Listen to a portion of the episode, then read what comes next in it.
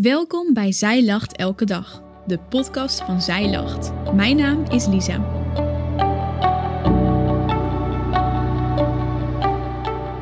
Dit is de overdenking van 17 juni door Nienke Kruid-Alblas.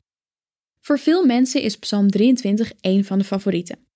In deze psalm wordt bezongen hoe God ons leidt naar groene weiden. Vervolgens zingt David door over de weg die hij gaat. Waar hij ook heen gaat, God is bij hem. De Heer nodigt David uit om aan tafel te komen, zitten bij hem, ongeacht de strijd waarin hij zich bevindt. Psalm 23 is geschreven in het midden van een heftige periode van Davids leven. Vandaag kijken we naar de betekenis van Psalm 23 en wat wij van David kunnen leren. Hoe kan het dat David toch zo zingt over de Heer? Hoe kan hij spreken over groene weiden, kracht en vrede, terwijl hij naar de woestijn is gevlucht? In Psalm 23, vers 2 en 3 lezen we: Hij laat mij rusten in groene weiden en voert mij naar vredig water. Hij geeft mij nieuwe kracht en leidt mij langs veilige paden tot eer van zijn naam. Het klinkt zo mooi, God die je naar groene weiden leidt. Toch ervaren heel veel mensen dit niet zo. Helaas betekent het niet dat wanneer je christen bent, je hele leven dan over rozen gaat. Dat je een schaapje bent die in een oneindig groot groen Hollands grasveld kan grazen. Een kalm slootje ertussendoor.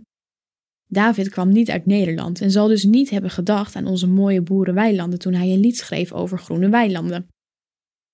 Een groene weide in het oude Israël heeft er waarschijnlijk meer uitgezien als een stuk woestijn met een paar plukken woestijngras.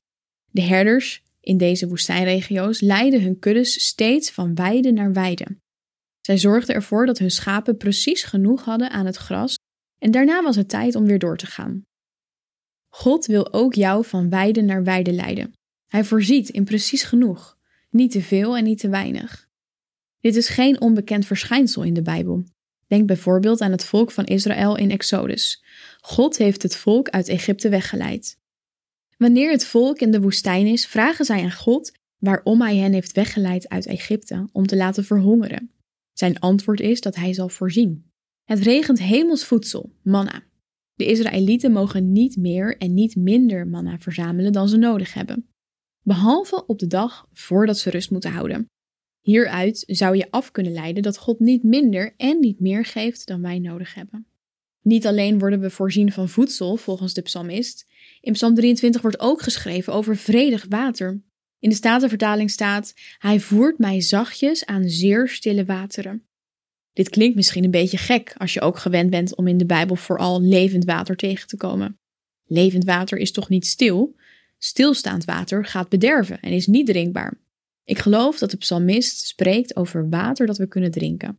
Hierdoor moet het dus gaan om een bron of een zacht stromende beek. God geeft ons levend water, maar geen kolkende rivier.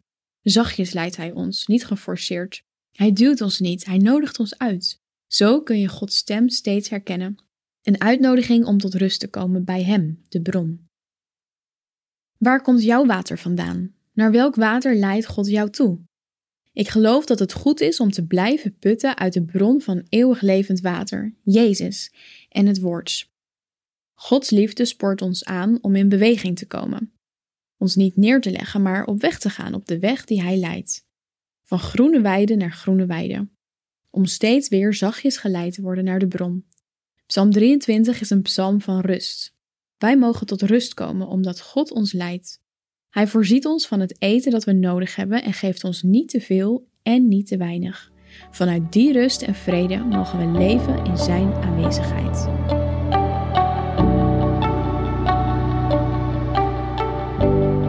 Dankjewel dat je hebt geluisterd naar de overdenking van vandaag. Wil je de overdenking nog eens nalezen? Check dan onze website je vindt daar ook nog meer toffe dingen die jou helpen om de Bijbel vaker te openen, zoals boeken, Bijbels, cursussen en evenementen. Morgen ben ik weer bij je terug met een nieuwe overdenking. Tot dan!